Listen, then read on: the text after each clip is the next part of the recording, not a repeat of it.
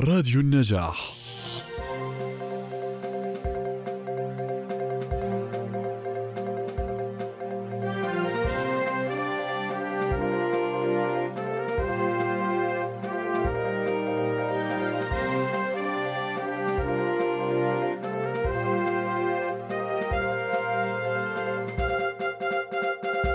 تطلق اليوم حوارية بعنوان الجيوبوليتيك وصناعة السياسة الخارجية الأردنية مع الخبير الاستراتيجي والمحلل الدكتور عامر السبايلة.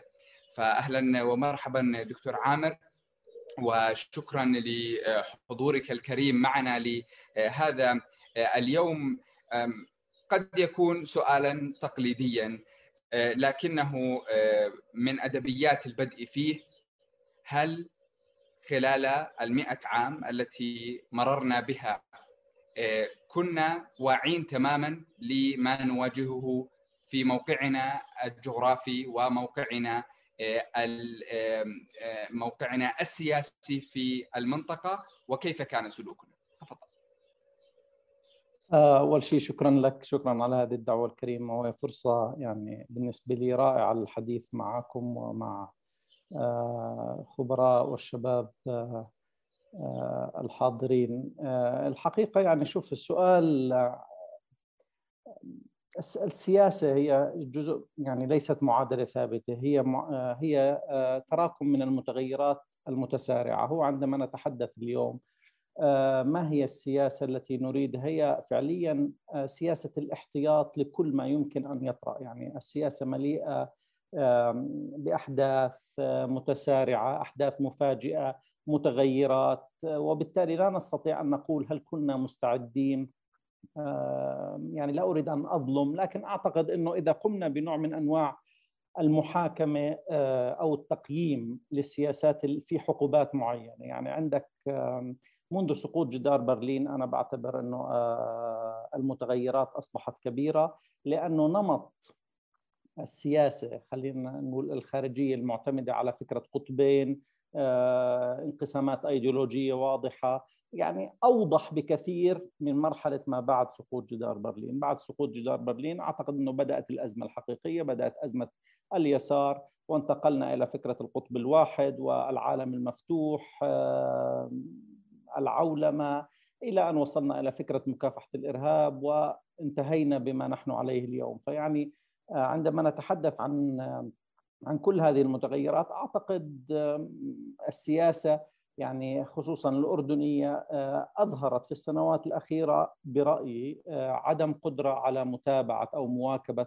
هذه التحولات بسبب إنه في نوع من أنواع النظرة الكلاسيكية والاعتقاد إنه هذا دائم ثابت من الثوابت. يعني هناك من يحاجج أن هذه عبرت بالدولة الأردنية في عدة مراحل وأدت في النهاية إلى الحفاظ على بعض المكتسبات، لكن أعتقد أنا أنه مجتمع شاب مثل المجتمع الأردني بحاجة لتعدد الفرص وبحاجة إلى سياسة خارجية أكثر قدرة على ضمان مصالح الأردن والأردنيين وإعطائهم فرص أكبر. وهذا يقودني أيضا إلى النقطة التي تنطلق منها يعني هذه المداخلة في فكرة الجيوسياسة. ماذا يعني عندما نقول هو أنا لا أريد أن أنظر يعني لسنا هنا نحاول أن نكون أقرب إلى فكرة الواقع منه إلى التنظير والمدارس التي تتحدث عن عن كل هذه المواضيع. أعتقد أنه عندما نتحدث عن فقط الجيوسياسة هو مهم بالنسبة للأردن بشكل كبير. أولا لأنك تملك موقع جغرافي مهم وبالتالي هذا الموقع الجغرافي لابد أن يتم استثماره ويتم توظيفه لفكرة خدمة الأردن والأردنيين، يعني الجزء الثاني عندما نعرف ما هي السياسة الخارجية يعني وما هدف السياسة الخارجية في النهاية هو ضمان مصالح الدولة، ضمان مصالح شعب هذه الدولة وبالتالي الانتقال إلى فكرة الانتقال إلى فكرة الحفاظ على هذه المكتسبات، فبالتالي يعني عندما أتحدث عن الأردن أعتقد إنه هناك نقطة مفصلية بالنسبة للأردن، أنا مش سامع شوي الصوت لو سمحتوا للإخوان بس كل ميوت يعني حتى نسمع بعض لو سمحتوا. فالفكرة إذا أردنا أن نأخذ حقب أعتقد يعني حتى لا نطيل في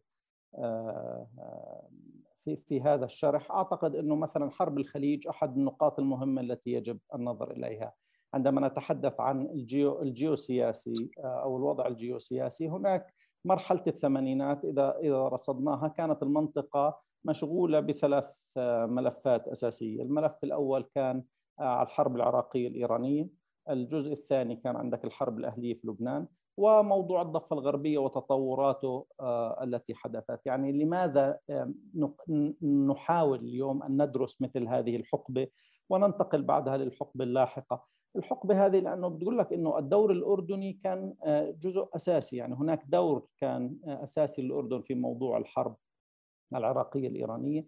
كان الأردن متحالف وداعم لفئة في الحرب الأهلية في لبنان وكان هناك يعني شبه موضوع الضفة الغربية يعني انخراط كامل للأردن في هذا الموضوع. يعني شوف الفترة الزمنية المتلاحقة عندك من ال 87 انتفاضة 88 انتهاء الحرب الإيرانية انتهاء الحرب الأهلية في لبنان وبالتالي يعني هذه الملفات انتهت وجعلت الأردن في الموضوع الجيوسياسي يتعامل مع واقعه الداخلي أدت باعتقادي يعني اليوم كل العوامل اللي كانت في الداخل والتي كانت يطغى عليها الدور الأردني في الإقليم وبالتالي يؤجلها بدأت تظهر.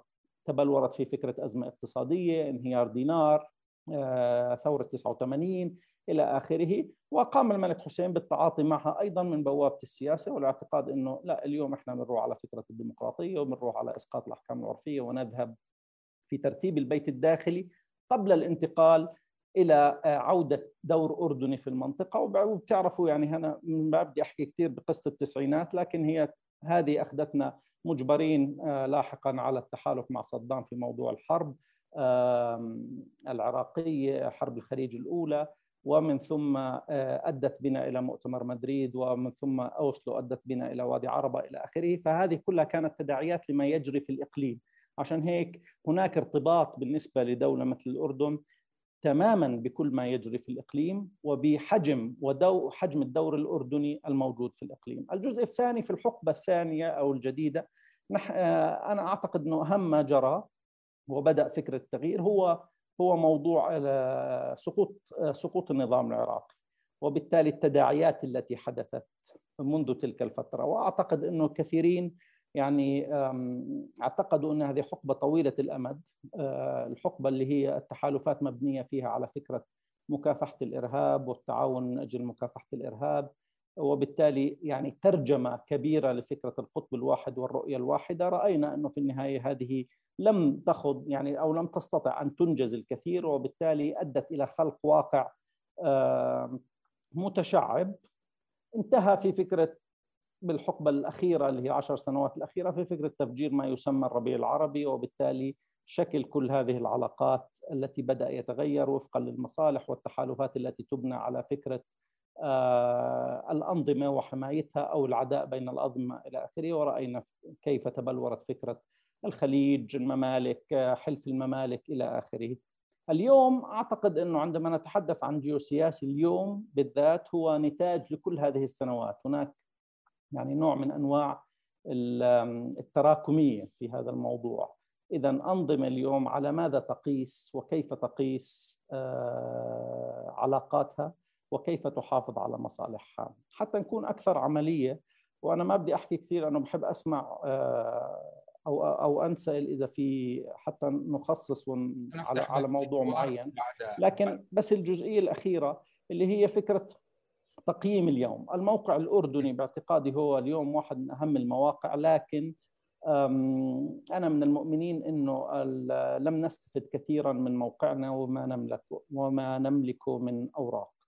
يعني اليوم أنت مع العراق بحاجة إلى إعادة ترتيب هذا الملف لأنه العراق بلد مهم وليس فقط عمق استراتيجي بل أيضا هناك جزء من تحالف دولي وهو جزء يعني من فكرة ترتيب هذه المنطقة هو العراق. وبالتالي هل استطعنا التقييم؟ هل استطعنا إعادة بناء علاقات مع العراق بطريقة يعني تحافظ على المصالح الأردنية وبالتالي يعني أن نصعد بها من فكرة العلاقة التقليدية إلى العمق الاستراتيجي أو الشراكة الاستراتيجية التي يستفيد منها الأردن؟ أعتقد يعني التقييم أنه هناك محاولات ليست سيئة لكن أعتقد إنه في مشكلة حقيقية إلى الآن لم تسمح بالانتقال وهي أكثر تعقيدا مما نعتقد يعني سواء في التغييرات التي حدثت في الداخل العراقي في البنية المجتمعية والبنية السياسية العراقية أو في الدور الإقليمي لإيران في العراق إلى آخره. الجزء الثاني هو عندما نتحدث عن موضوع سوريا يعني بعد مرور عشر سنوات الأردن آه، شاء من شاء وأبى من أبى هو شريك لسوريا. شريك حدودي هناك يعني تداخل اجتماعي كبير بين سوريا والأردن. هناك عمق يعني نستطيع أن نقول أنه الأردن آه، هذه يعني الورقة إلى الآن خصوصا أنه العالم آه، بعد عشر سنوات لا أعتقد أنه آه، معني اليوم في فكرة آه، أزمة كما كان في بدايتها. وبالتالي يعني من يملك القدرة على طرح حلول من يملك القدرة على عرض على الأقل يعني تصورات يمكن أن تصور أن أن تجعله يعني يلعب دور أكبر حتى بالنسبة لحلفائه هذا مهم. الجزء الثالث هو والأكثر تعقيدا هو وجود اتفاقية سلام مع إسرائيل وتنسيق أمني مع إسرائيل ولكن الظهور بمظهر العداء وعدم الاستفادة. يعني بمعنى أنا أقدم اتفاقية سلام وأقدم تنسيق أمني ومرتبط عضويا وبنيويا في هذا الموضوع سواء عندما نتحدث عن الحدود المعابر اللاجئين إلى آخره.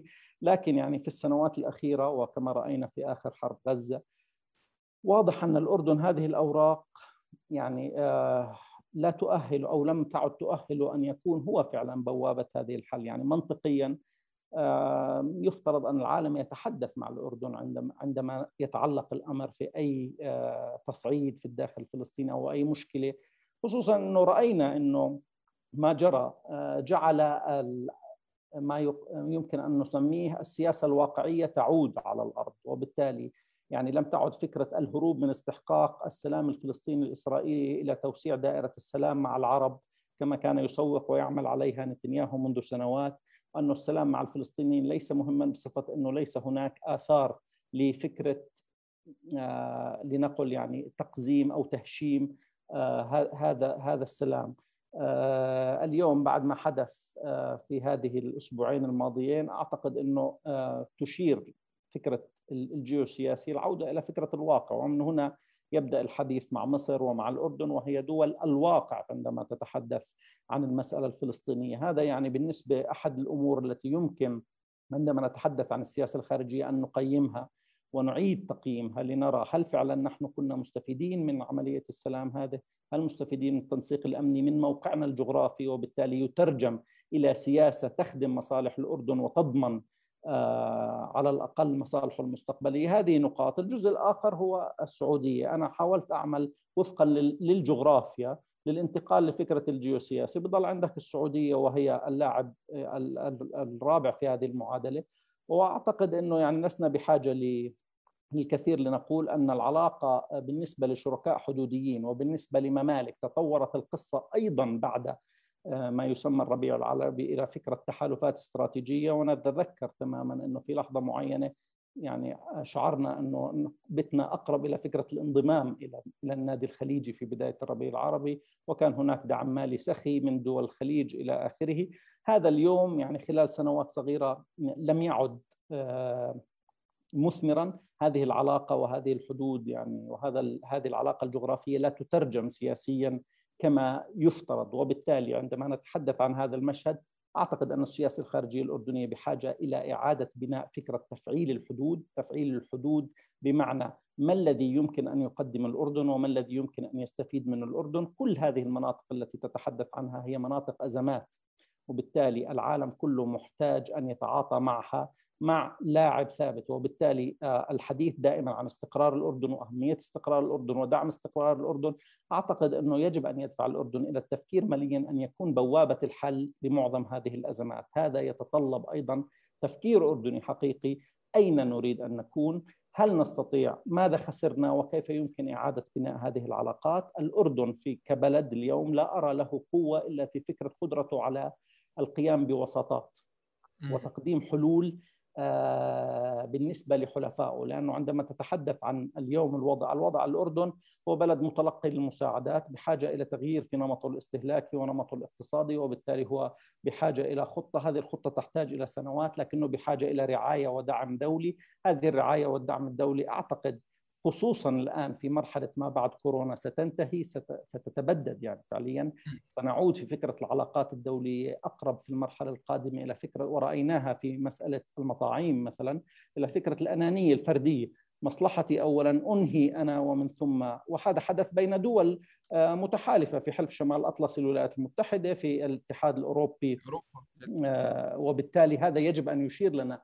أننا اليوم يجب أن نقدم شيء بالنسبة للجميع، أعتقد أنه مستقبل هذه المنطقة يعني بحاجة إلى إعادة ترتيب واليوم اعتبار أن الأردن بلد مستقر بوابة لكل هذه الأمور يمكن ترجمته وبالتالي هنا تترجم الجغرافيا لفكرة السياسة الخارجية، هذا بشكل عام المقدمة اللي اللي ممكن نلخص يعني فيها الوضع الحالي. دكتور على هذا الملخص وأنا آه، يعني دائما ما أنظر لما لما تتقدم به على شكل البازل. يعني أنت تضع كل هذه القطع واريد أن أستذكر وأقتبس من الأستاذ عدنان أبو عوده رئيس مجلس أمناء المعهد حينما قال بأن الجيوبوليتكس كان على الأردن نعمة ونقمه في ذات في ذات الحين. ولكن على ما يبدو على مر الوقت لم نكن كما تفضلت يعني على أهبة الاستعداد لمثل كل هذه التغيرات.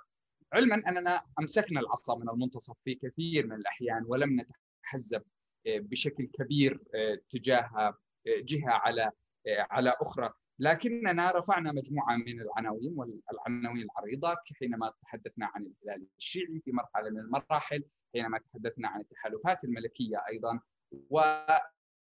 حينما آه، ذهبنا باتجاه آه، فك الارتباط وأيضا آه، تعقيد القضية الفلسطينية وأدواتنا الموجودة فيها، لا أريد أن أطيل على الإخوة المشاركين والموجودين معنا وأفتح الباب للأسئلة اذا سمحت لي دكتور. أرغب باستقبال الأسئلة برفع اليد بعد إذنكم. من لديه أي أسئلة بهذا الشأن.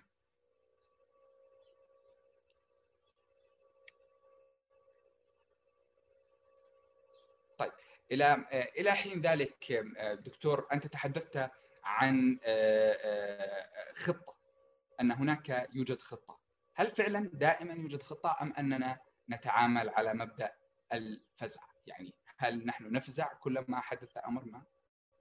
آه، خطة بالنسبة لماذا يعني؟ للسياسة الخارجية يعني. لا شوف السياسة الخارجية هو بشكل عام أنت عندك عناوين عناوين واسعة. يعني فكرة التحالفات آه، العلاقة الأيديولوجية، الكيمياء الشخصية، يعني هناك عدة معطيات تحدد هذه الفكرة، لكن اليوم عندما تتحدث عن آه، السياسة الخارجية التي يجب أن تكون على أهبة الاستعداد، يعني هو لا يجب أن تكون ملم أو أو قادر على توقع ماذا سيحدث بنسبة 100%. لكن هو فكرة القراءة الاستباقية، القراءات المستقبلية التي تقدمها، هي هذه الفكرة وهذه فكرة علمية بحت. يعني اليوم لا نستطيع أن نقول إنه نظام الفزع الذي تحدث عنه هو نظام ما بعد حدوث الفعل. وبالتالي يعني هو عبارة عن محاولة آه، الالتحاق أو آه، بركب معين. أعتقد إنه هذه مشكلة حقيقية في كثير من الدول وليست في لكن بالنسبة للأردن أعتقد إنه اليوم هذا يجب أن ينتهي لعدة أسباب. يعني اولا لأنك في منطقة ذات يعني تشبه فكرة الرمال المتحركة متغيرة بين ليلة وضحاها أزمات. رأينا مثلا منذ ظهور تنظيم داعش كيف ممكن أن تتغير الأمور في ظرف ساعات قليلة وبالتالي تتحول إلى تهديدات كبيرة وتتحول إلى مشاكل حقيقية. اليوم آه، إذا افترضنا أن الأردن في المرحله في كل المراحل السابقة يعني لم يكن في حالة عداء مع أي دولة في الإقليم وبالتالي لم يتعرض إلى عمل داخلي في الداخل الأردن. ولكني أرى يعني انه هناك مشكلة حقيقية في الفترة الأخيرة أن هناك من فتح البوابه الأردنية لفكرة التجاذبات الإقليمية. وبالتالي حول الأردن نوعا ما إلى باب بوابه تجاذبات يعني سواء في المسألة الخليجية ما بعد المسألة الخليجية إلى آخره. واليوم في فكرة يعني غياب رواية الدولة الواضحة والقادرة على الإقناع أو منطقية الإقناع وبالتالي يعني التسرب دائما فكرة الإشاعة والاستقطابات المختلفة. هذا كله يشير أنك بحاجة إلى إعادة ترتيب على الأقل مستويين. المستوى الأول رؤيتك أين تريد أن تكون؟ وأنا أتفق معك أنه العصا بالوسط بالنسبة للأردن هو أهم ما يمكن أن يقدمه لكن هذا حتى يستطيع اليوم ان أن يقدم شيء يساعده على الاستمرارية وعلى الحصول على دائما على الدعم المعنوي والسياسي والاقتصادي هو بحاجة أن يقدم شيء وأن يكون حاضر. يعني مثلا دولة مثل الأردن ما الذي يمنع كان أن تكون قادرة أن تقدم وساطة في اليمن؟ آه هذه أحد النقاط المهمة. لأنه في النهاية هو شيء معنوي لكنه يعطيك قيمة حقيقية. يعني الأمم المتحدة وضعت مكتب اليمن في عمان لماذا؟ لحالة الاستقرار الموجودة في الإقليم وعدم التجاذب في القصة. يعني لست جزء من المحور الخليجي إلى آخره. لكن هذا يجب أن يترجم أيضا سياسيا خصوصا أنك تملك إرث يعني يؤهلك للعب مثل هذا الدور بوجود الهاشميين آه، في الحكم. بقربك من السعودية. قد تكون يعني في لحظة معينة أستطيع أن أن أقول إنه لم يكن يمكن تقديم مثل هذه الطروحات في بداية الأزمة. كان هناك قناعة خليجية بإنهاء الحرب بطريقه لكن في لحظة معينة كان واضح إنه البح الجميع يبحث عن طوق نجاة أو سلم يوضع له لينزل عن الشجرة. هذه أحد النقاط. ممكن الأردن أن يقدم هذا. الجزء الثاني موضوع يعني أنا لا أستطيع أن أرى يعني وهذا بجوز كتبت فيه أكثر من مرة. إنه يعني الهاشميين اليوم يستطيعوا ان يلعبوا دور أيضا في إعادة ترتيب ملف موضوع الشيعة العرب. وهذا ملف من أدق الملفات التي يمكن أن نتحدث بها وترجمتها سياسيا. وهذا هذا صحيح هو شريك لنا استراتيجي مثل العراق يمكن أن أن يساعد اليوم بإحداث مثل هذا الاختراق. وهون بشير لك في فكرة أهمية هذا الموضوع أن البابا عندما زار العراق ذهب لتوقيع اتفاقية مع السيستاني كممثل للشيعة العرب وبالتالي يعني هذا يشير لك إنه أهمية وجود في النهاية لاعب يستطيع أن يحول هذه الأمور سياسيا على الأقل في فكرة الأبواب المفتوحة القادرة دائما على تقديم حلول حتى لو لم تكن يعني حلول ناجزه لكن على الأقل تبقي الأردن في دائرة الاهتمام تبقي الأوراق الأردنية دائما بالنسبة للجميع يعني آه، سواء يعني حلفاء الأردن الأساسيين تتحدث عن الولايات المتحدة عن الاتحاد الأوروبي كل هذه يعني يمكن أن تساعد دائما أن تبقي الأردن في تحالف ذا قيمة سياسية وليس فقط في فكرة الإعالة المالية. يعني هي القصة ليست فقط إعالة مالية أستطيع أن أقدم شيء يرى الجميع فيه أهمية والجميع وعلى الأقل يعني موجود عدد من الصراعات يعني في هذه المنطقة كبيرة على الأقل كمحاولات لحل هذه الصراع عن طريق بوابة أردنية أعتقد أنها تبقي الزخم وتحافظ عليه بالنسبة للأردن. شكرا دكتور. آه، الحديث عن الأبواب المفتوحة يحب الحديث فيه دائما الأستاذ عدنان أبو عودة. آه، ويعني لا يفتى مالك في المدينة. آه، أستاذ عدنان كيف كيف ترى فكرة الأبواب المفتوحة التي تفضل فيها الدكتور؟ دكتور عامر. أشكرك على هذا العرض الرائع. العرض العظيم شكرا لك. الذي تقدمت به. أنا بحكم عملي سنوات طويلة بجانب متخذي القرار بالأردن. كان في العادة لا نعلنه لكن يشغل بالنا قضية المال اللي ذكرتها أنت بالآخر. قضية المال أثرت كثير في رسم سياساتنا سواء كانت عربية أو عالمية. ومع الوقت إلى يومنا هذا وأنا بتكلم الآن ما بنعلنها لكن هنالك شيء مغطى عن قضية المال وهو الاقتصاد الريعي الذي تبنته الدولة. إحنا فشلنا الحقيقة في موضوع تأسيس الاقتصاد الإنتاجي وأنا بتكلم كواحد مسؤول فشلنا وضلينا بالاقتصاد الريعي. الاقتصاد الريعي بدخل فيه الإعانات المالية. بدك تدفع رواتب بدك تدفع. بدك تسكر ديون إلى آخره. القصة اللي بيحكوها الناس. بود منك يا دكتور. تعمل لي ربط في سياساتنا الخارجية مع القضية المالية وبكون ممنون لك. وشكرا لأنه أي شيء بتقوله أنا راح أتعلم منه. اتعلم منه فكريا. أستاذنا ولو لأنه هي قضيتنا. عندنا قضية اسمها المال. أنا عندنا قضية. أشرت في جزئية أنه أمامنا آه، تحدي فكرة التحول آه، في نمط الاقتصاد آه، الأردني والذي لا يسمح لك لا يسمح لك يعني في فترة في فترة طويلة يعني بحاجة لفترة لكنه مش يعني ما في مساحة كبيرة لك لهذه المناورة. لهذا قلت أن تخدم السياسة الخارجية في المرحلة الحالية فكرة التحول الاقتصادي وبالتالي طرحت فكرة أن تبادر في في حلول في سوريا مرتبطة باقتصادك في شمال الأردن على الأقل وجنوب سوريا في موضوع العراق وفي موضوع السعودية. وبالتالي يعني كيفية تحويل هذه السياسة الخارجية اليوم لفكرة التحول الاقتصادي المطلوب والإجباري والذي يعني مضطر له آه، آه، في فترة قليلة بصفة إنه يعني قصرنا في السنوات الماضية في هذا. أنا بنظري إنه دون علاقات عابرة للحدود ومشاريع عابرة للحدود من الصعب الحديث أو تعويض هذه الفترة التي ضاعت. وبالتالي عندما تتحدث عن علاقة مع السعودية يعني أنا لا أفهم يعني لماذا تتحول العلاقة إلى هذا هذا البرود. لا أريد أن أصنف أكثر. في فترة يعني مثلا السعودية تقوم بمثل التحولات الاقتصادية التي تقوم بها وهناك ارتباط بنيوي وجغرافي فيما يطرحه يعني عندما نتحدث عن نيوم والبحر الأحمر وإلى آخره. في موضوع سوريا اليوم وموضوع العراق. إذا لم تستطع أن تقوم اليوم بمبادرات سياسية وبناء كيمياء مع الوضع الحالي سواء في سوريا أو في العراق وتحويله اقتصاديا للاستفادة أعتقد أنه هناك مشكلة. لأنه اليوم أنا أعتقد أنه المرحلة القادمة بعد في فكرة ما بعد كورونا ستكون يعني آه، فيها نوع من أنواع آه، إعادة التموضع لا آه، أكثر selfishness يعني فيها بده يكون أنانية. آه، أنانية سياسية يعني. أنا اليوم آه، سأضطر وهذه الدول الأوروبية وسترى سترى مظاهرات قريبا يعني في معظم الدول الأوروبية. اليوم هذه دول خصصت recovery fund بمئات المليارات.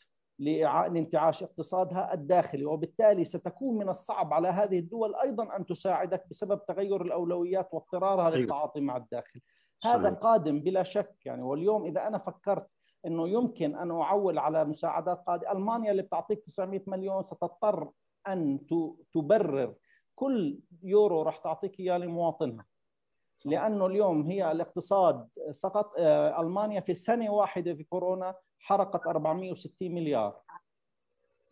اليوم مضطرة إن انتعاش الاقتصادي كل القطاعات وتدويرها هذا بحاجة إلى على الأقل من ثلاث إلى خمس سنوات اهتمام داخلي بحت. وبالتالي إذا كانت هذه الدول الكبرى التي المرتبطة يعني أو آه، بمساعداتك اليوم ستجد نفسها مضطرة لمثل هذه الأمور. أعتقد أنت مضطر للتكيف ومضطر لإيجاد حلول إبداعية، هذه الحلول الإبداعية أعتقد لا يمكن ايجادها اليوم فقط في داخل في داخل الحدود الجغرافية، وبالتالي الاستفادة من فكرة أبعد في مشاريع الطاقة، النقل، وهذا بحاجة إلى سياسة أقرب إلى فكرة الصداقة مع الجميع، يعني بمعنى أنك بحاجة لبناء كيمياء كبيرة مع كل الأطراف. أنا أخشى ما أخشى إنه يعني هذه الكيمياء اليوم غير متوفرة. مع كل اللي حكيتهم يعني على اطراف على حدودك وبالتالي فكرة تفعيل الحدود للاستفادة يعني إحنا في أقرب يعني لا أريد أن أكون متشائما لكن هي أقرب في فكرة العزلة. وبالتالي كيف يمكن هاي العزلة معناها ظهور الأزمات الداخلية، الآن الأزمات الداخلية ستأخذ عدة أشكال، الشكل الاقتصادي بلا شك لكن آه، تأخذ بعد مجتمعي وبعد أمني وبالتالي يعني ستضطر أن تتعامل مع مشاكل الداخلية مما يمنعك من أي قدرة لتطوير قدرتك في السياسة الخارجية، وبالتالي يعني أعتقد أن هناك فرصة لكن وقت ضيق لإعادة بناء هذه الكيمياء والبحث عن مشاريع كبرى عابرة للحدود تستطيع أن تنتقل بالاقتصاد الأردني مع الحفاظ طبعا يعني آه، أو أو الانتقال لفكرة يعني إيجاد أي صيغة حقيقية لفكرة الأمن المجتمعي آه، بالنسبة آه، لكثير من الناس. شكرا دكتور. شكرا دكتور. already إحنا بنشعر فيه هذا اللي تفضلت فيه الآن. already شعبنا بيشعر فيه. يعطيك العافية وشكرا. الله يسلمك. شكرا. شكرا. دكتور عامر أنت آه، قلت بأننا آه، للأسف قد نواجه حالة من العزلة. هل تستطيع أن تصف العزلة بالتخلي؟ هل هناك من هم في المنطقة مستعدون أو تخلوا عنها؟ شوف هو قصة التخلي أول شيء لماذا يرتبط بك؟ أفضل من التخلي. لماذا يرتبط ترتبط بك أي دولة اليوم؟ هو هذا السؤال إذا بنجاوبه حقيقة هو بجاوب الجزء الثاني. لماذا ترتبط فيك اليوم؟ لمصالح. يعني أنت عارف السياسة ليست علاقة حب وود هي مصالح اليوم مشتركة. إذا لم تستطع أن تكون جزء من مشروع أو لست جزء من مشروع آه، ولست آه، ولا تقدم أي شراكة استراتيجية بالنسبة لأي دولة. يعني ليس هناك آه، بالنسبة لأي دولة فائدة لنقل اقتصادية أيضا في هذه العلاقة. إذا فكرة التخلي منجزة حاصلة.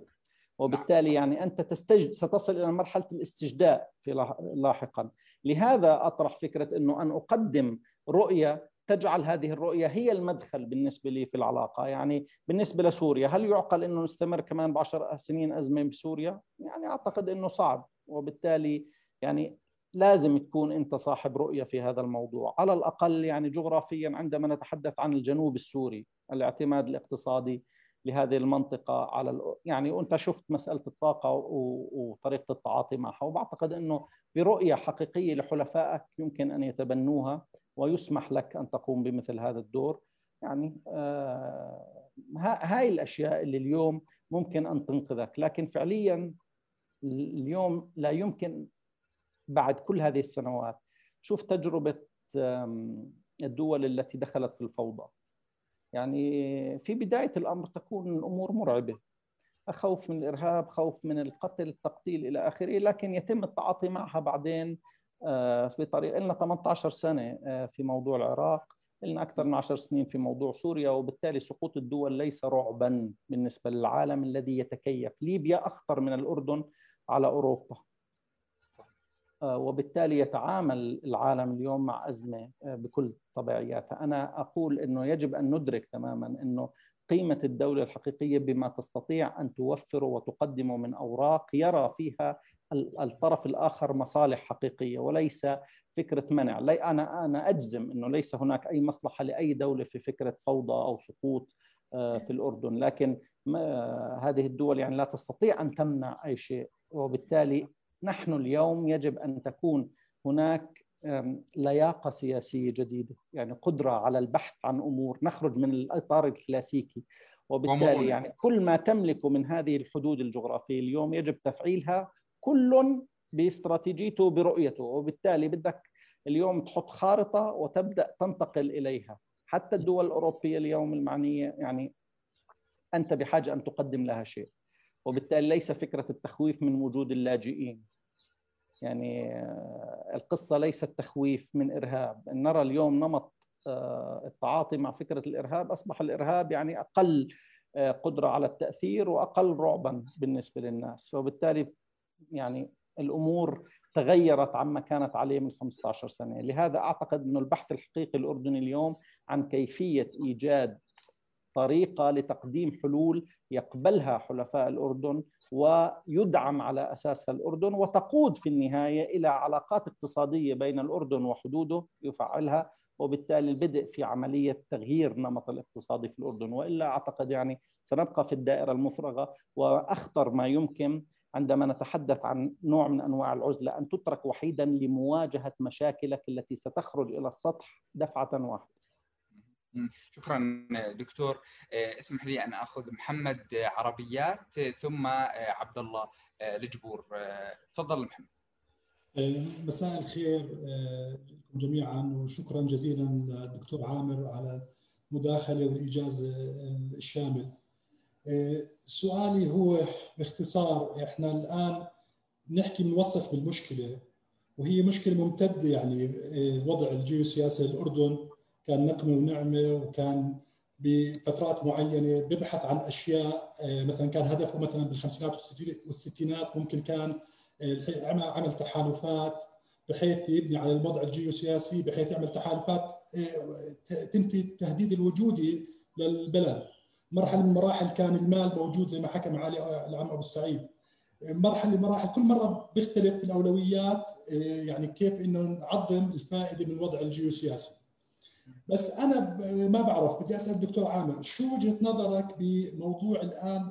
وين؟ شو الحجر الزاوية اللي ممكن نبني عليه بموضوع آه، نعظم الفائدة من وضع الأردن الجيوسياسي بحيث نبني تحالفات ويكون وضع لنا اقليمي أفضل؟ يعني ذكرت موضوع الدخول بوساطات بس أعتقد هذه مش ممكن يبني ينبني عليها أو مش ممكن ينبني عليها ما بعرف. بس بدنا يعني شو من ناحية استراتيجية شو ممكن ممكن يكون في عندنا آه، شيء آه، حجر زاوية أو مدخل للبناء عليه مستقبلا. لأنه عرفت الأمور المحيط دائما بالتجارة الدولية وحتى بالسياسة الدولية. موضوع ال next door neighbor هذا موجود إنك أنت تتعامل معه. بس مرات بدك تطلع باستراتيجيات خلاقة بحيث إنه لما تكون الأمور مسكرة حواليك وتم تجزيء المجزأ. صار في سايكس بيكو واحد واثنين وثلاثة وصار اللي حواليك ما بتقدر إنك أنت توصل لشيء معه. فما بعرف شو وجهة نظرك بهذا الموضوع إنه مدخل لبناء شيء يمكن البناء عليه مستقبلا. شكرا شكرا محمد. آه، أنتقل إلى عبد الله جبور. عبد الله جبور ورقة موقف آه، آه، طرحتها طرحها معهد السياسة والمجتمع وكنت من العاملين عليها. قالت بأننا لدينا موقف ثابت مثلا مما يحدث في فلسطين لكن انحسرت أدواتنا الإعلامية والدبلوماسية. ما ما ما هو رأيك في هذا السؤال؟ شكرا حسين. وأنا بناء على الورقة أو الجلسة النقاشية التي حدثت أود أن أطرح سؤالين، السؤال الأول على الأستاذ الدكتور عامر وعلى الدكتور اسمح لي كمان أطرح سؤال آخر على الدكتور عدنان أبو عودة، سؤالي للدكتور عامر إنه في ظل إقليم سريع التغير من الناحية الجيوسياسية آه، المصلحة الأردنية من أين نبدأ؟ في لتوظيف ما يحدث لتوظيف التغير الجيوسياسي في الإقليم وتغير قواعد اللعبة لصالح السياسة الأردنية. آه، سؤالي للدكتور عدنان أبو عودة وأنا أستثمر وجوده معنا.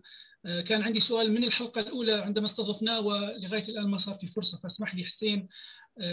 أستاذ عدنان وأنت يعني رافقت صاحب الجلالة الملك الحسين فترة طويلة.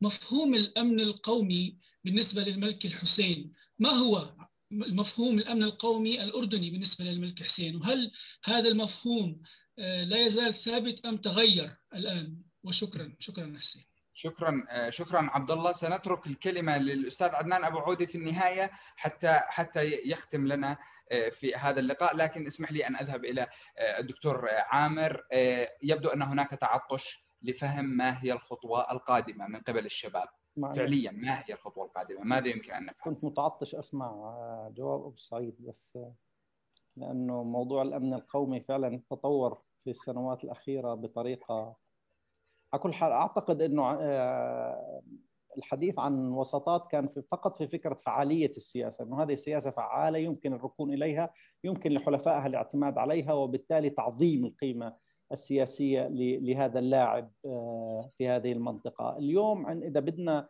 نتطلع أعتقد ان الأردن في في السياسة الواقعية آه، أحد الملفات المهمة هي إعادة إعمار سوريا. والارتباط على الأقل الجغرافي في هذا الموضوع. آه، هذه أحد الأمور التي يجب التفكير فيها فعليا وليس ترفا يعني ممكن في سنوات ماضية كنا نحكي فيها كانوا الناس يراهنوا أن لا الأمور لن تكون. يعني سيت هناك تغييرات قادمة.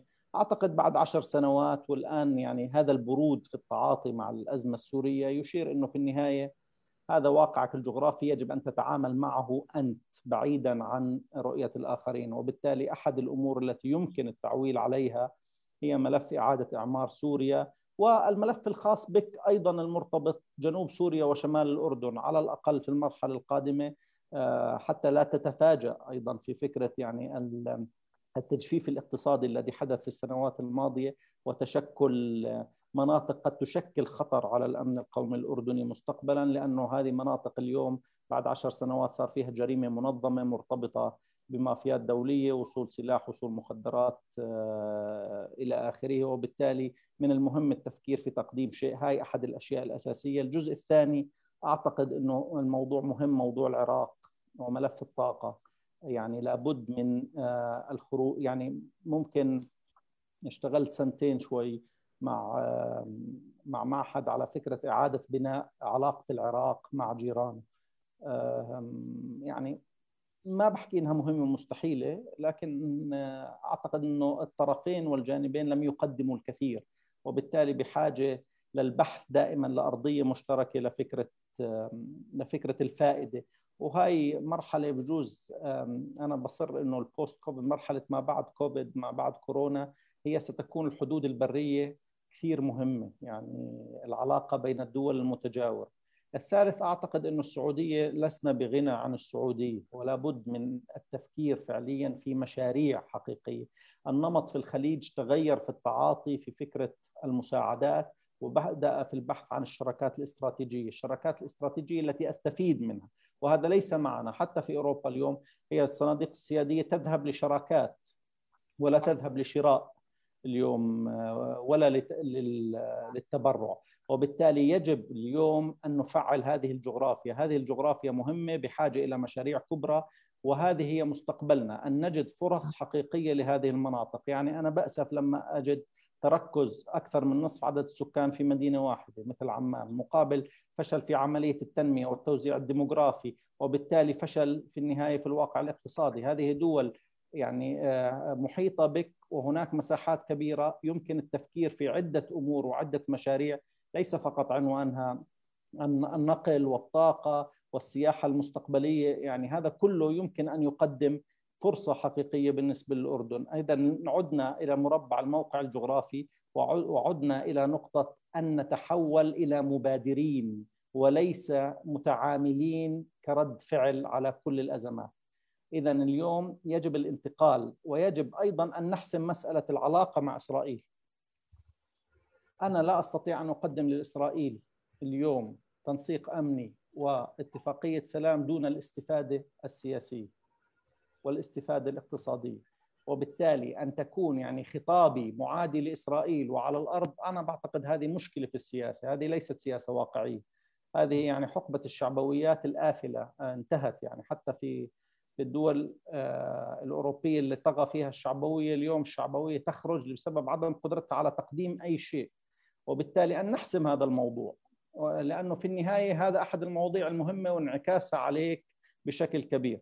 إذا هاي الثلاث نقاط إذا ما جلسنا يعني ووضعنا استراتيجية حقيقية أعتقد على الأقل نبدأ في رؤية قصيرة الأمد بتنفيذها. المشاريع الصغيرة وليس هناك يعني الولايات المتحدة لا تعارض موضوع العلاقة التجارية مع سوريا في المشاريع الصغرى والمتوسطة على ألا يستفيد من النظام من المشاريع الكبرى وأن لا تكون الشركات السورية التي نعمل معها مرتبطة مع شركات إيرانية حتى ما يتفعل قانون 2006 وبالتالي يعني لابد من البحث يعني إلا تتحول المناطق الحدودية إلى نقاط تفجير يعني في النهاية الرمثة آه، ونصيب. هذه مناطق معتمدة أيضا في نمطها الاقتصادي وتجارتها مع هذه المناطق بعد عشر سنوات يعني أخشى ما أخشاه إنه تزيد بالنسبة لنا ليس فقط فكرة البطالة والفقر بل الإحباط الإحباط المجتمعي والسياسي وبالتالي تزيد عوامل التفجير الداخلي وتقل قدرتك على المناورة السياسية في الإقليم أو تقديم شيء وبالتالي تصبح مشغول في داخلك وهذه معركة خاسرة بامتياز. نقطة نقاط مهمة جدا أستاذنا العزيز. أه اسمح لي أنا أخذ سؤالين. أه آيفون عبد الله بس نتعرف. عبد الله إيش؟ رافع إيدك. تمام. آه، يعطيكم العافية جميعا. آه، أنا عبد الله المازني طالب علوم سياسية. الله يسلمك حسين. طالب علوم سياسية في الجامعة الأردنية وعراق الجنسية. تحية طيبة لك دكتور عامر. وأنا من أشد المتابعين لك خصوصا في لقاءاتك على القناة الألمانية بالتحديد. يعني كان أنا كطالب علوم سياسية يعني يهمني جدا أنه أن نشوف كيف الخبراء يقيسون ويقيمون السياسة الخارجية. وهون بدي أرجع لنقطة معينة دكتور. يعني في حديثك عن عن الدور آه، الفاعل الذي يغيب عن عن السياسة الخارجية. لكن في نفس الوقت دكتور ذكرت في البداية على أنه آه، هنالك من أراد زج الأردن في عدد من التجاذبات. ألا تعتقد بأن سياسة مسك العصا من الوسط أو سياسة التوازن ان صحه التسمية آه، جعلت الأردن تنأى عن هذه التجاذبات؟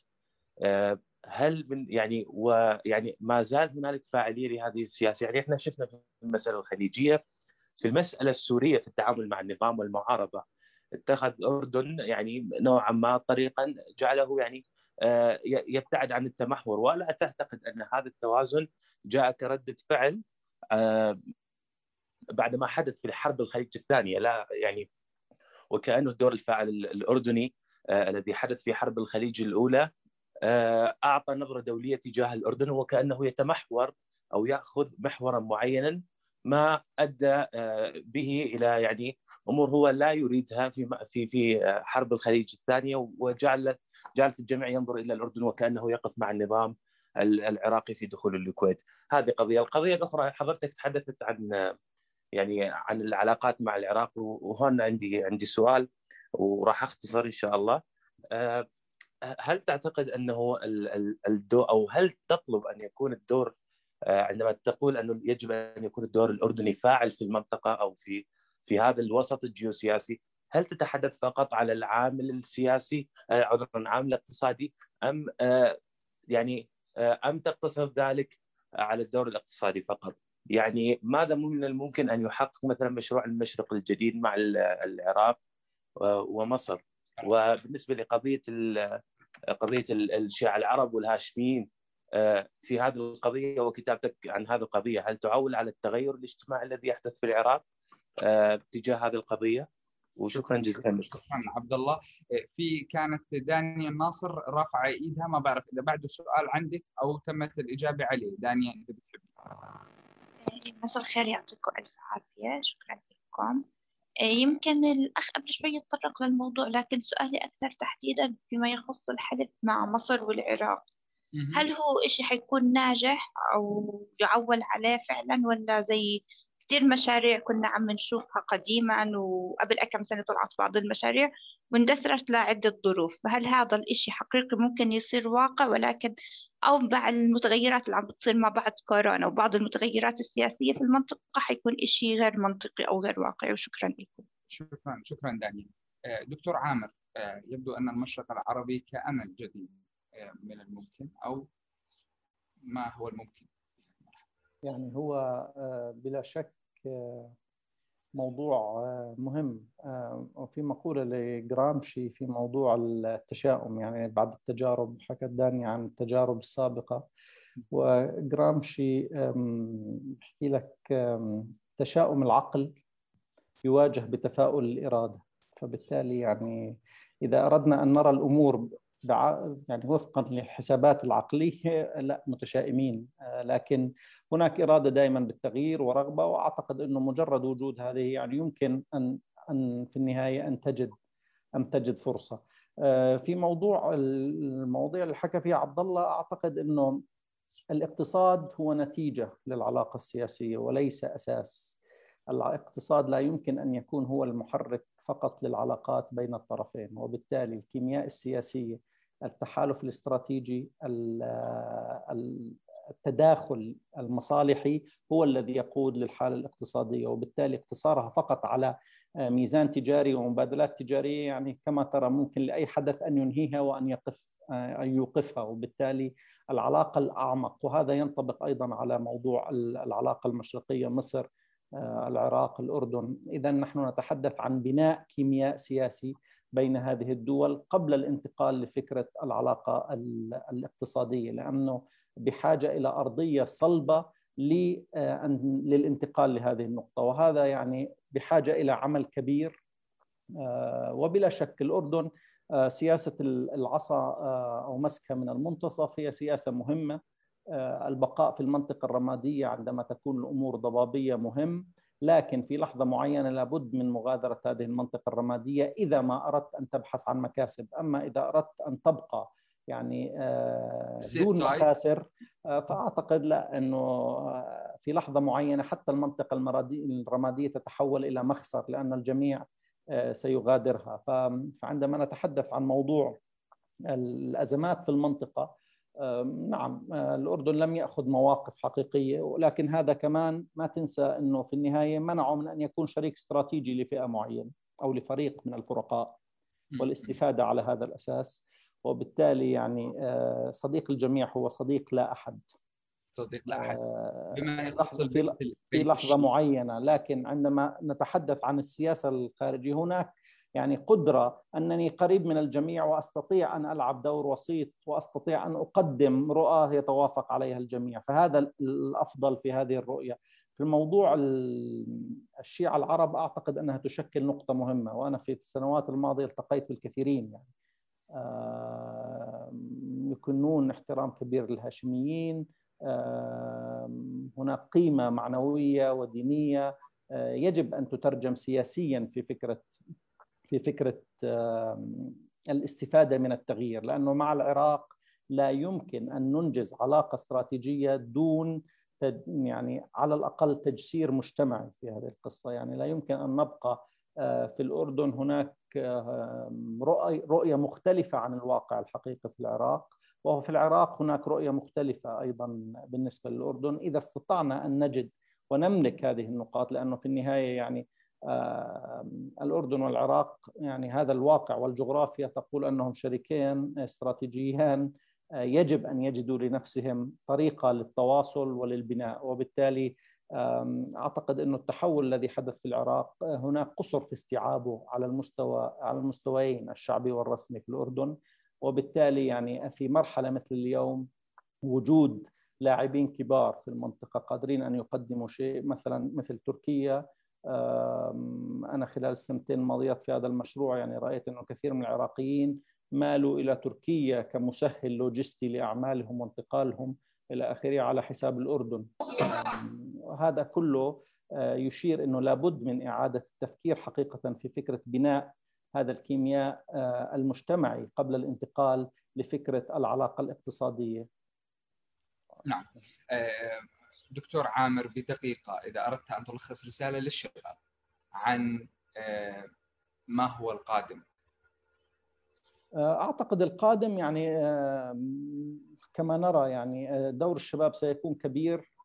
هناك إسقاط للحدود الجغرافية الانتقال لفكرة العمل المشترك على المستوى الثقافي والحضاري. أعتقد إنه الرسالة الأبرز اليوم أنه التغيير يجب أن يأخذ عنوان الطابع الثقافي وهذا اليوم في الكرة في ملعب الشباب هذا الشباب اليوم متحرر أو هذا الجيل متحرر وأقل تاثرا في فكرة الأزمات السابقة أو الإحباطات التي حدثت عندما نتحدث عن عروض سابقة أو سقطات أو خذلان، لهذا هناك فرصة لفكرة تجسير هذه العلاقات والبحث عن مشاريع مشتركة بين هؤلاء الشباب بصفة أنه في النهاية آه، تجمع يجمعهم الكثير ويفرقهم القليل.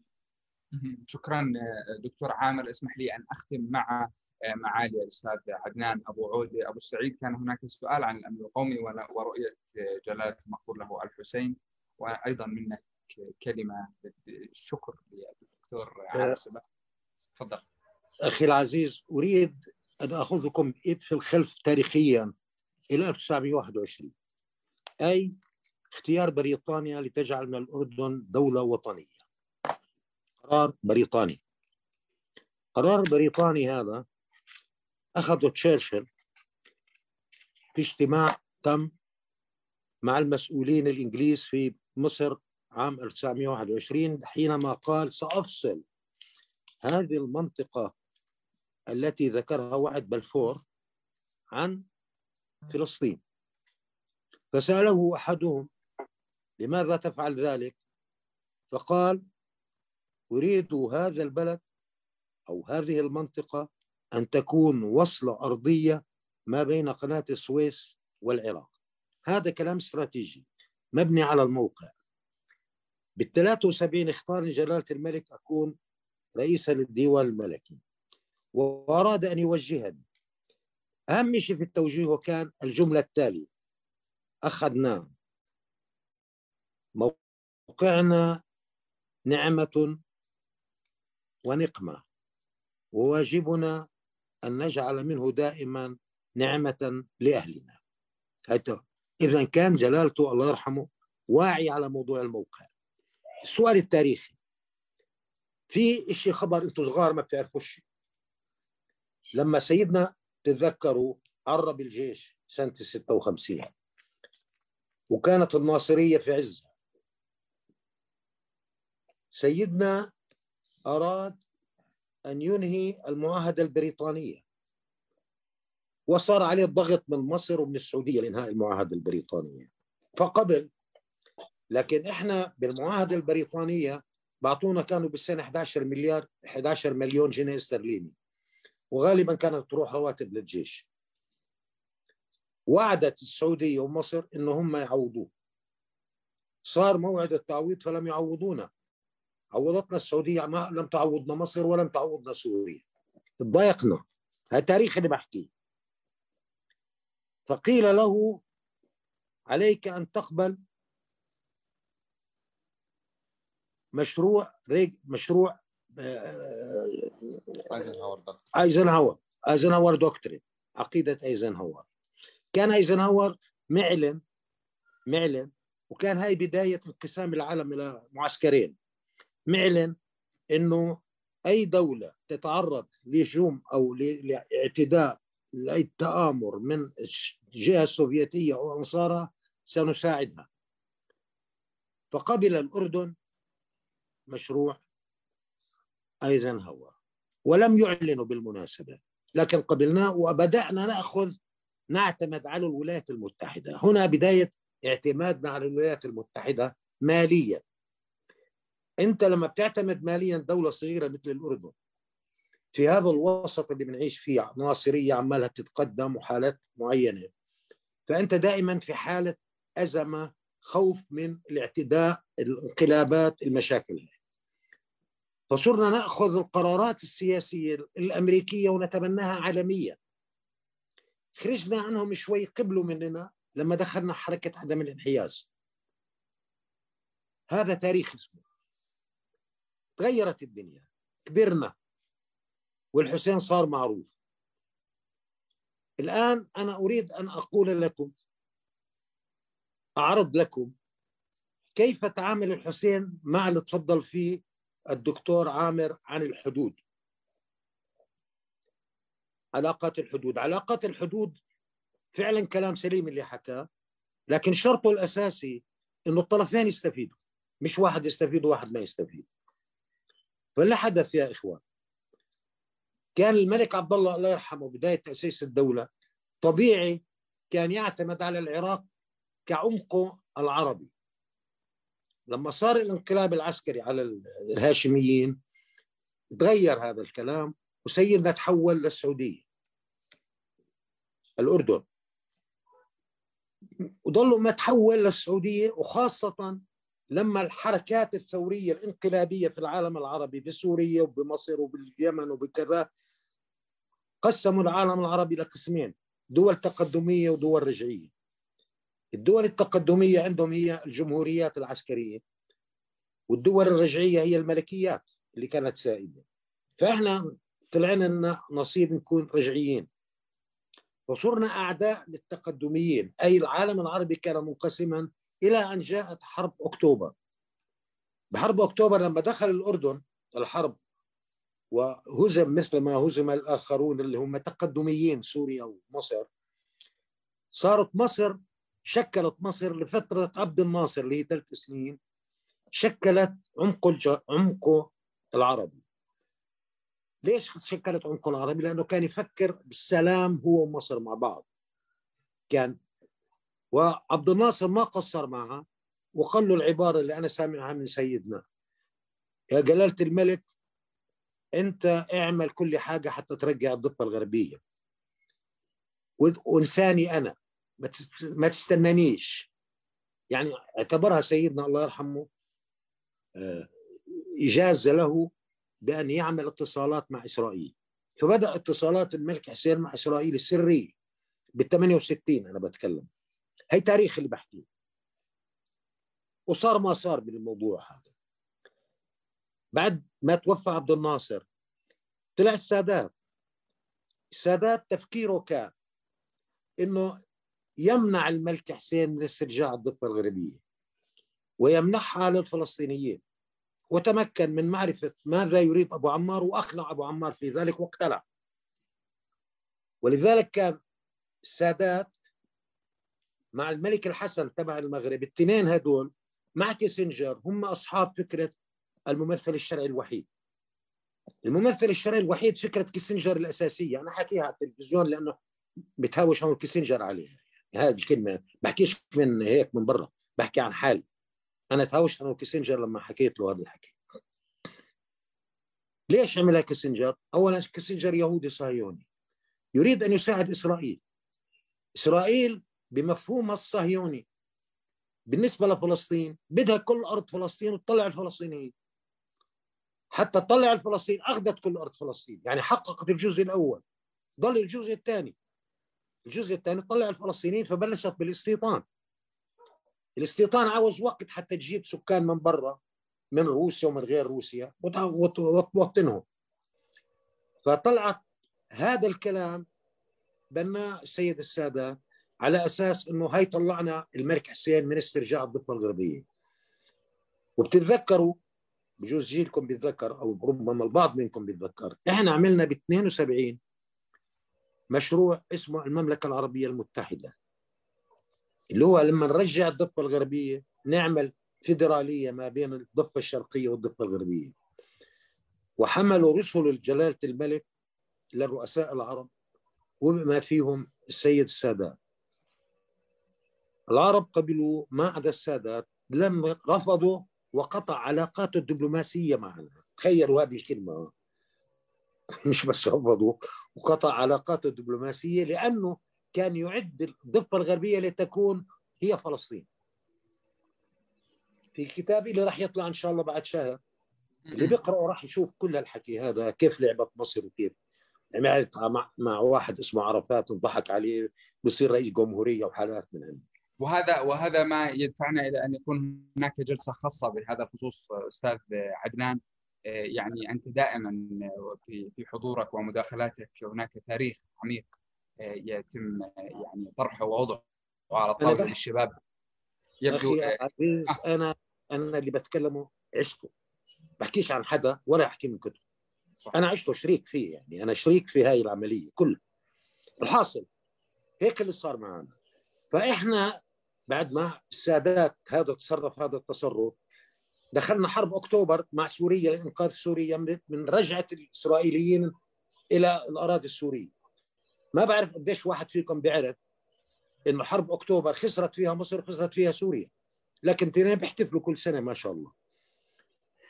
إحنا والعراق دخلنا جيوشنا لحماية دمشق. هذه العملية تبعتنا عملت علاقة جديدة مع سوريا. فسيدنا اختار الآن سوريا لتكون عمقه واختارته سوريا كذلك. فتغيرت الآن. العمق من عبد الناصر اللي مات ومصر صارت سوريا. وصلت هاي العلاقة درجة اللي بحكي عنها عامر الآن بسبب الحدود وإلى آخره. كنا بدنا نعمل اتحاد. بال 76 وفشل الكلام. لكن بنفس الوقت طلع العراق. العراق كان بده إيانا. وإحنا التقينا مع العراق فصرنا صار عمقنا العراق. وبقي عمقنا العربي العراق إلى أن سقط صدام حسين مؤخر ظل هو عمقنا العربي. ولذلك مفهوم الجغرافيا تبعتنا كان مفهوم عند الملك حسين مفهوم. كيف تتعامل مع جيرانك؟ ومين جارك هذا؟ يعني مرة كانت العراق أول مرة ثم صارت السعودية ثم صارت مصر ثم صارت سوريا ثم صارت العراق. هي علاقة ما بعرف بعديها شو صار. أنا طلعت من اللعبة. بس هذا الحكي أنا عشته. وكنت شريك في القرارات وكنت شريك في نقل القرارات. أوكي. الآن أستاذ عدنان حتى حتى اعذرني يعني ما ما ما تقوله قيم جدا وبحاجة إلى إلى أسئلة كثيرة من الشباب. فأنا بدي أطلب منك طلب أن تضع مجموعة هذه النقاط لنطرحها في جلسة خاصة بعد بعد ذلك مع أيضا بوجود الدكتور عامر سبايلي. يعني بعد إذنك. وهناك كلمة للدكتور محمد أبو رمان. دكتور محمد تفضل. أستاذنا أبو السعيد يعطيك ألف عافية. وأنا بعثت لحسين وأنت بتحكي قلت له لا هذا كلام أبو السعيد بده محاضرة أخرى ما بزبط إنه تكون تعقيب آه، يعني على الصديق العزيز الدكتور عامر سبايله فبتمنى إنه من الإخوان في المعهد السياسي والمجتمع يرتبوا لقاء قادم مهم عن تطور مفهوم الأمن القومي في في الأردن من عهد الحسين إلى عهد جلالة الملك عبد الله. وأنا اسمح لي أستاذنا أبو السعيد باسمك شخصيا كرئيس مجلس امناء واسم زملائنا وإخواننا أتقدم بالشكر الجزيل للدكتور عامر سبايله على هذه الملاحظات والإشارات في غاية الأهمية عن تحولات الجيوبوليتيك في نظرية الجيوبوليتيك في الأردن. ويعني أنا بعتقد مهمه جدا لجيل الشباب يعي تماما أهمية الجيوبوليتيك في صنع السياسة الخارجية بل وفي السياسة الداخلية. وموضوع التحالفات الإقليمية والإشارات إلى المرحلة القادمة. أنا بتقديري اللي ذكر الدكتور عامر بسوى أنه ينعمل كمان معهد السياسة والمجتمع ورشة عمل جديدة يتم مناقشة هذه الأمور فيها. يعني بدي أنا أشكر معاليك وأشكر الجميع وأشكر الأخ العزيز حسين وعبد الله وكل اللي شاركوا معنا في هذه الندوة. ويعني نلتقي إن شاء الله في حوارية قادمة. شكرا أستاذ حسين.